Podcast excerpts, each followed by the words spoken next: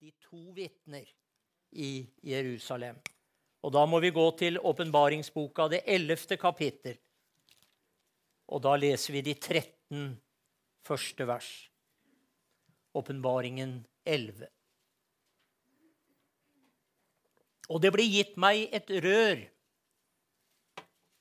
like som en stav med de ordene, stå opp og mål Guds tempel og alteret og dem som tilber der.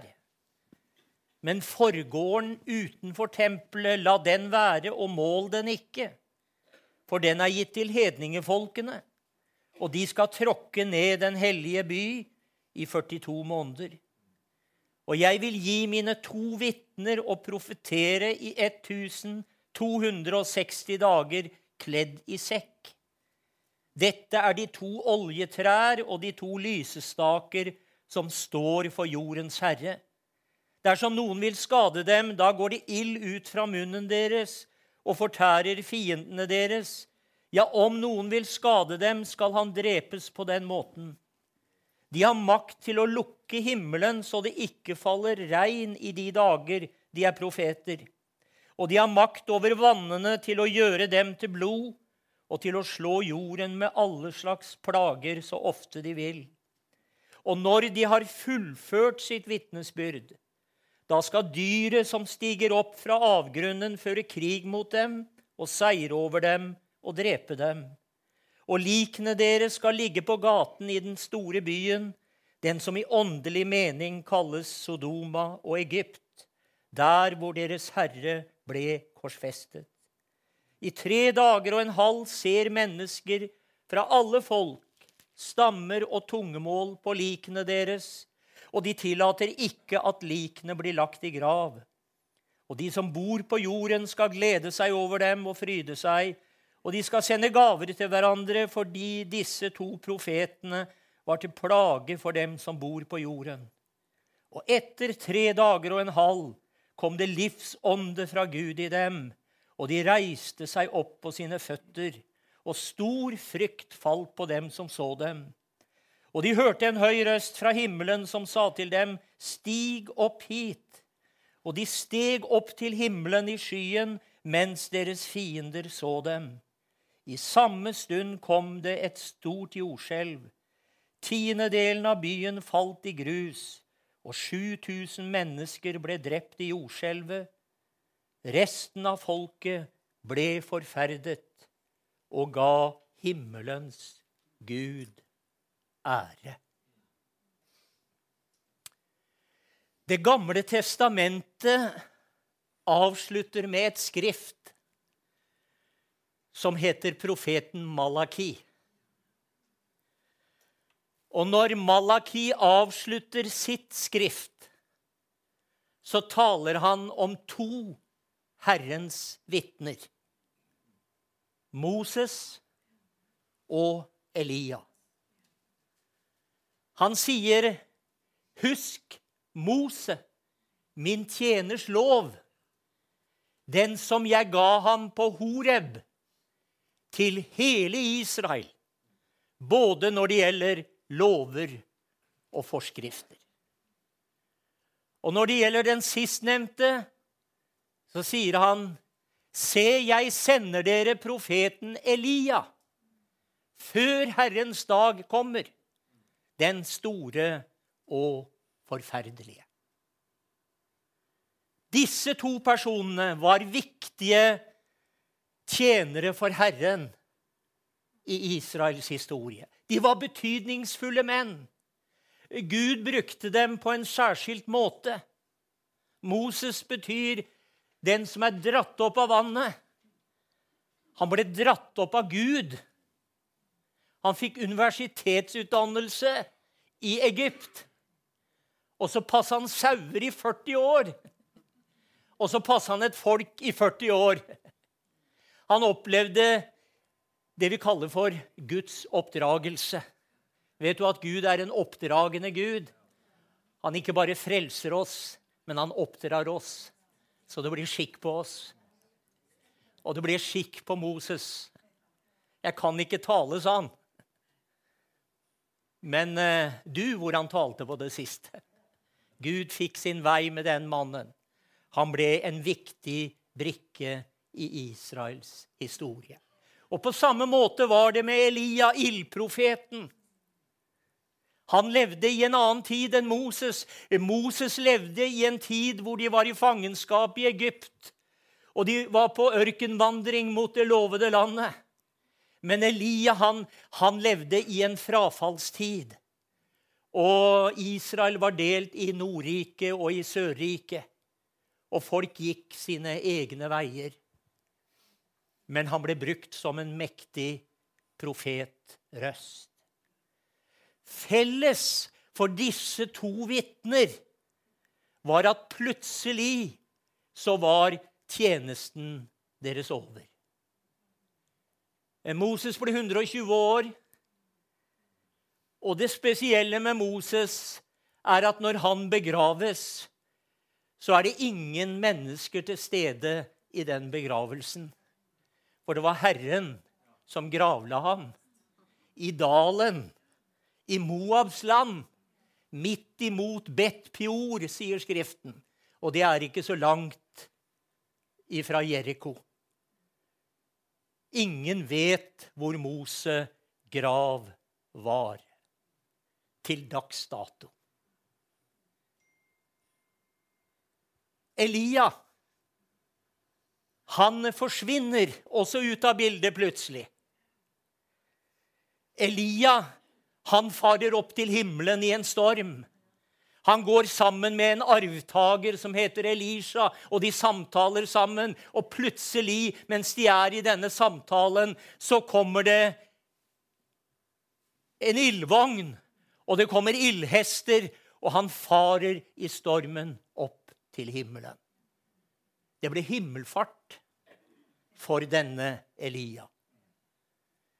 Men ifølge Skriften så ble det faktisk også himmelfart for Moses. Det endte ikke med en gravplass i Moabs land.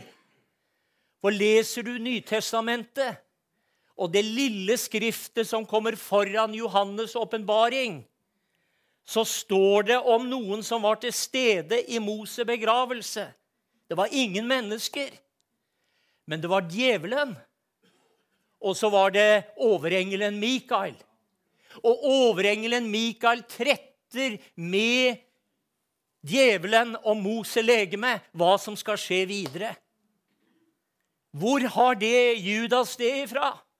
Det nevnes ikke i det hele tatt i Det gamle testamentet. Han har det fra et jødisk skrift som heter Mose himmelfart. Så jødene trodde fullt og fast på at det var ikke bare Elia som for opp til himmelen. Moses for også opp til himmelen. Og de er i herligheten i dag.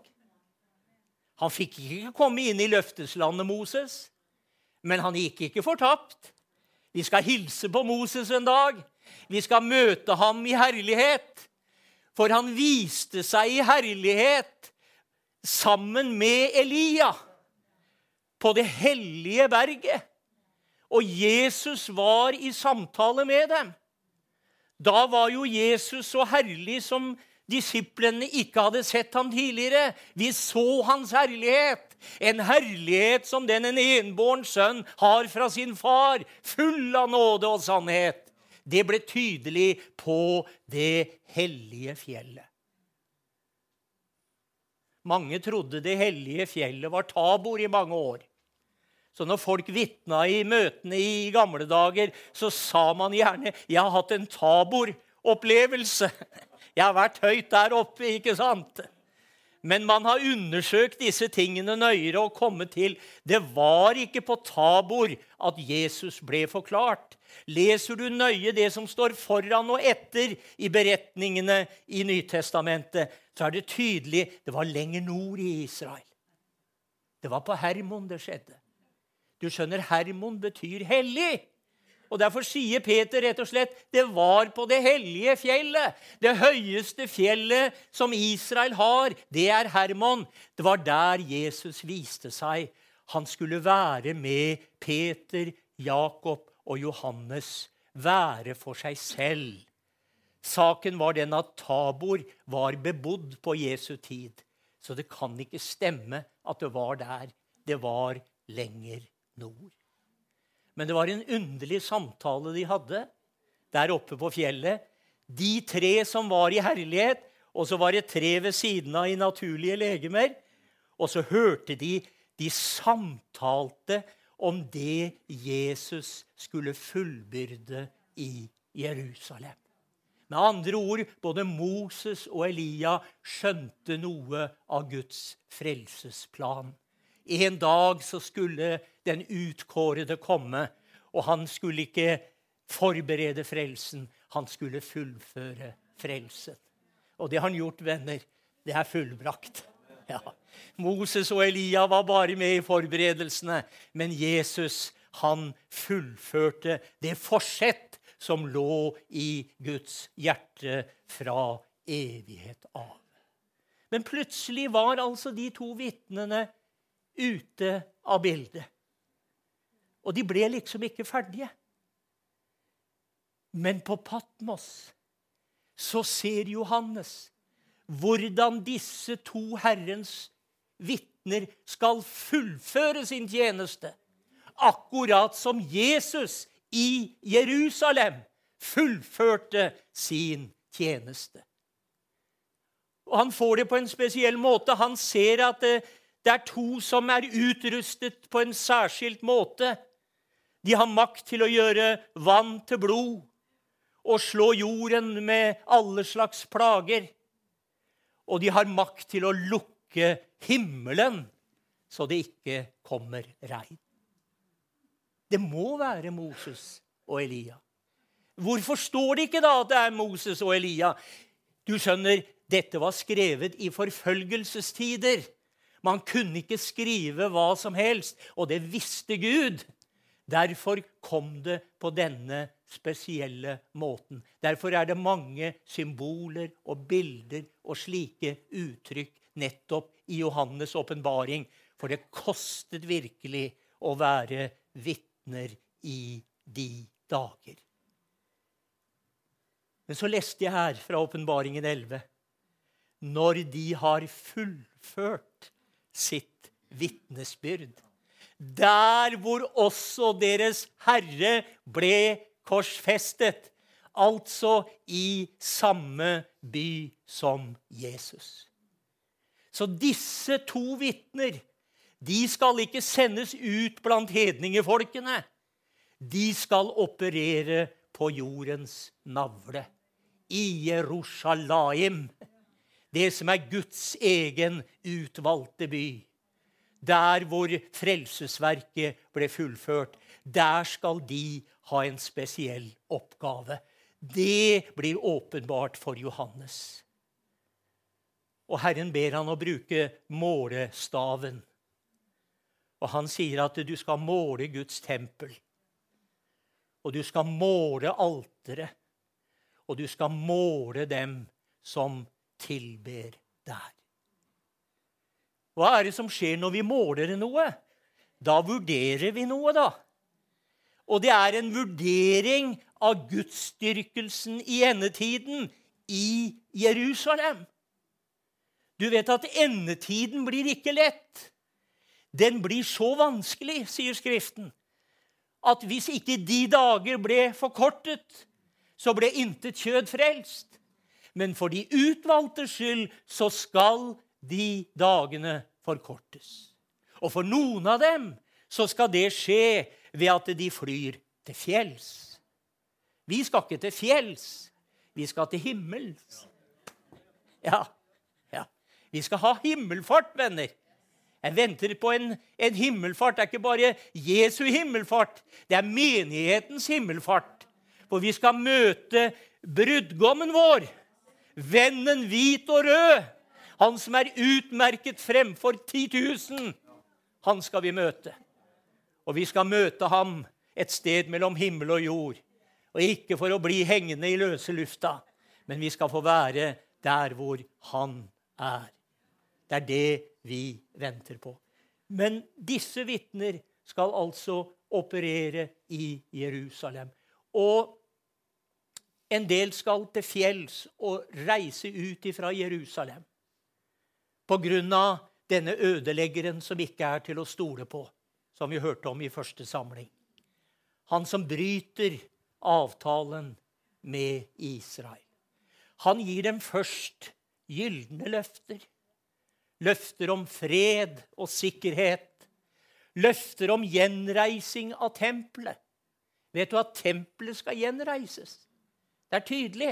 Derfor står det om Guds tempel her. Og det er ikke åndelig å forstå her, det er bokstavelig å forstå. Og mange jøder i dag, de venter på det tredje tempel.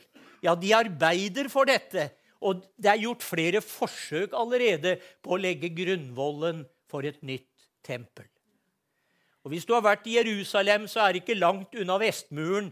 Så er det et sted som heter Tempelinstituttet.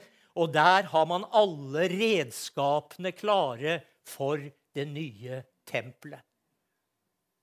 Og tenk en dag så får de grønt lys, og de kommer i gang med det stadige offer, sånn som de hadde det tidligere. Det er ikke løsningen for dem. Det er ikke noe vi skal samle inn penger til. Det er en del Israel-venner som misforstår disse tingene her. Og de tror at vi skal støtte jødene i alt de tenker og, og foretar seg. Det er en misforståelse. De trenger først og fremst å se Jesu fullkomne offer på Golgata. De trenger å se opp til ham som ble gjennomstunget for dem, og få oppleve at det er legedom i hans år. Det er det jødene virkelig trenger. Men eh, de skal få grønt lys av en annen, og da kommer det stadige offer i gang. Men det blir fort slutt. For plutselig så står ødeleggelsens styggedom på hellig grunn. Da er det ikke godt å være i Jerusalem lenger. Dere må se å komme dere ut av byen, sa Jesus. Men det er noen som blir igjen i byen. Det vil alltid være noen igjen, ikke sant? Og blant de som er igjen, så blir det en veldig kamp. Hvem er det som skal få tilbedelsen og oppmerksomheten? Skal man følge dyret, eller skal man følge lammet? Skal man bli en tilhenger av Antikrist, eller skal man bli en Jesu Kristi disippel. Det er det spørsmålet det dreier seg om. Og at det blir vanskelig, det skjønner vi av uttrykket som brukes om Jerusalem her. Et spesielt uttrykk. Det som i åndelig mening kalles Sodoma og Egypt. Sodoma står for umoral. Egypt står for ufrihet. Og begge de ting preger Jerusalem faktisk i dag. Det er ikke bare fromme mennesker der. Jeg har sett mange pride-flagg i Jerusalem, jeg. Det er pride-opptog i den hellige byen. Behager det Herren? Nei, det behager ikke Herren at i Hans hellige by så er det slike ting som foregår. Så i åndelig mening er det som Sodoma, og det er som Egypt. Det Jerusalem som nå er, det er i trelldom med sine barn. Det er mye religiøsitet. Det er mange som står ved Vestmuren. Hver eneste sabbat så drar de ned, og noen har større hatter enn andre. Og andre har mørkere kapper enn andre. Og det er mange slags avskygninger. Noen av dem er veldig livlige. Noen står og hopper ved muren. Andre er mer stillferdige. Det er mange retninger også innen jødedommen. Men de trenger ikke mer religiøsitet. De trenger å bli virkelig frie. Og det er dette vitnesbyrdet de to vitner skal komme med. De skal være profeter i 1260 dager. Det er tre og et halvt år.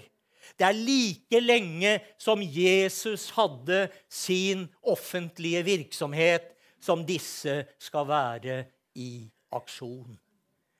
Herren vil sende Moses og Elia tilbake til dem. Ja, gjør den sånn, da, sier du? Er ikke menneskenes lodd en gang å dø, og deretter dom? Jo, det er et generelt uttrykk i Skriften.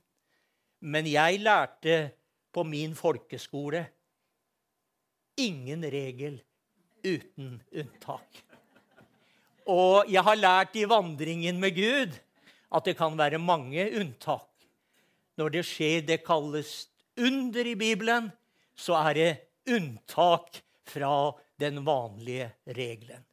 Så han som kan oppvekke fra de døde, helbrede syke, utfri besatte, han er mektig til å sende folk tilbake om nødvendig. Han skal i hvert fall sende Jesus tilbake. Han skal igjen føre den førstefødte inn i verden, står det i vår bibel. Og det er helt tydelig når det gjelder Elia, at han skal komme før Herrens dag kommer. Den store og forferdelige. Ja, men var ikke det døperen Johannes, da, sier du? Legg merke til hva Jesus sier. Om dere vil tro det, sa han. Han er den Elia som skal komme. Men legg merke til han sier, 'om dere vil tro det'. Men de trodde jo ikke det. Han ble halshogd. Og fordi han ble halshogd, så ble ikke han oppfyllelsen av det som eh, Malaki taler om. Det ser vi tydelig etter at de har vært oppe på det hellige fjellet. Så går de ned fra fjellet. De har jo sett Elia der oppe. Og så spør disiplene sier ikke de skriftlærde at Elia først må komme. Og så svarer Jesus, Elia kommer visstnok og skal sette alt i rette stand. Når sier Jesus det? Etter at Johannes er halshogd. Med andre ord, det var bare en delvis oppfyllelse gjennom Johannes. Han kom i Elias' ånd og kraft. Han hadde en lignende tjeneste men det var ikke den endelige oppfyllelsen av profetien. Vi kan si de to vitner har også en lignende tjeneste med den som Serubabel og Josva hadde i sin tid. Det var etter fangenskapet i Babylon. Så sendte Kyros ut kongebudet, vet du, at de kunne komme tilbake. Og da kongebudet kom, at de kunne vende om. Da ble hjertene satt i brann. Og så satte de kursen mot Jerusalem. Og så begynte gjenreisningsarbeidet. Og da brukte Gud stattholderen og ypperstepresten på en særskilt måte. Det var gjenreisningstid. Og i endens tid så er det gjenreisningstid for Israel. Og han vil bruke disse to vitner på en særskilt måte. Og de gjør under, og de gjør tegn. Og er det noe som gjør inntrykk på jøder, så er det tegn. For jøder krever tegn. Og når de ser dette, så skjønner de at Gud er med disse to vitnene. Og det er jo respektfulle vitner for jødene. De setter Moses og Elia veldig høyt. Det er lovens og profetenes representant.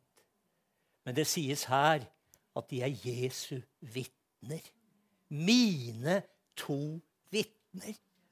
Tenk, de som har vært med på frelsesforberedelsene, de skal være med å løfte Jesu navnet opp og tale vennlig til Jerusalem og rope til henne at striden er endt, at skylden er betalt, at hun av Herrens hånd har fått dobbelt for alle sine synder. Det skal disse to Herrens vitner være med å fortelle. For Israel, de må vekkes, og de må velge rett. Det preget også Moses og Elia tidligere. De ba folket å velge. Jeg syns det er litt av en valgtale han Moses holder. Velsignelsen og forbannelsen har jeg lagt fram for deg. Livet og døden, sier han. Velg da livet, så skal dere leve. Ja. Og han har en lignende valgtale, han Elia også, på Karmelfjellet. Hvor lenge vil dere halte til begge sider? Hvis Bal er Gud, så følg ham. Men hvis Herren er Gud, så følg ham. Og så falt jo folket på kne. Herren, han er Gud! Herren, han er Gud! Og da var det ikke bare mennesker som falt på kne. Da falt ilden også, oppe på Karmelhøyden. Venner, det må bli et valg i Israel i endens tid. Det er et utvalgt folk. Men den enkelte jøde må velge å følge Herren. Og da bruker altså Herren disse to vitnene. De har samme vitnesbyrd som Jesus. For hva sa Jesus? Herren din Gud skal du tilbe, og ham alene skal du tjene. Så når Jesus har sagt det, og Moses har sagt det, og Elias har sagt det, så er saken klar, er den ikke det? For jødene er dette viktig. En sak skal stå fast ved to og tre vitner. Og da er Jesus midt iblant dem. Det er ikke bare Moses som sier det, og Elias som sier det, men da er Jesus til stede, og de merker hans mektige kraft i endens tid. De skjønner at de må velge. Og disse her er rakryggede, akkurat som de 144 000. De er de to lysestaker som står for jordens herre. Står du for Gud, du som er her i kveld? Eller skifter du mening fra uke til uke? Er det skiftende skydekke i kristenlivet ditt? Så har du snappet opp det her og noe annet der. og Så har en sagt det, og en annen har sagt det. Er det det som leder kristenlivet ditt? Eller hører du hyrderøsten som sier, 'Dette er veien. Vandre på den.' Mine får hører min røst, og de følger meg. Det er dette vi må lære, og det er dette Israel må, må lære også i endens tid. Å velge det rette. Og da bruker Herren disse to redskapene. Og de står så for jordens herre at de er villige til å bli blodvitner for Jesus. De tåler motstand. Så når eh, de har fullført sitt vitnesbyrd, i løpet av tre og et halvt år, så blir det tatt livet av dem. Og det er dyret, det er Antikrist, som får satt en stopper for dem. Og de ligger som lik på gateplan i Jerusalem. Og det er ikke bare Jerusalems innbyggere som ser dette her. Men hele verden følger med i dramaet som skjer med de to Herrens vitner. Det står her i det ellevte kapittel at folk av alle stammer og, og tungemål og nasjoner de så likene deres. Det måtte være underlig å lese dette i middelalderen. Ja, At noen skulle se fra hele verden at det lå to lik i Jerusalem. Vi forstår det i dag, i den teknologiske tid vi lever i. Med alt det utstyr som finnes, så kan dette lett oppfanges og kringkastes gjennom media over hele verden. Men verden skal få se mere. De skal få se at det blir liv i likene. Ja. Det kom livsånde i dem. Ja. De ble levende. De sto opp på sine føtter. Og når gjorde de det? Etter tre og en halv dag, står det. Og det uttrykket har talt til meg tre og en halv dag. Det var en som lå fire dager i graven. Så ble han kalt ut. Det stinka han da.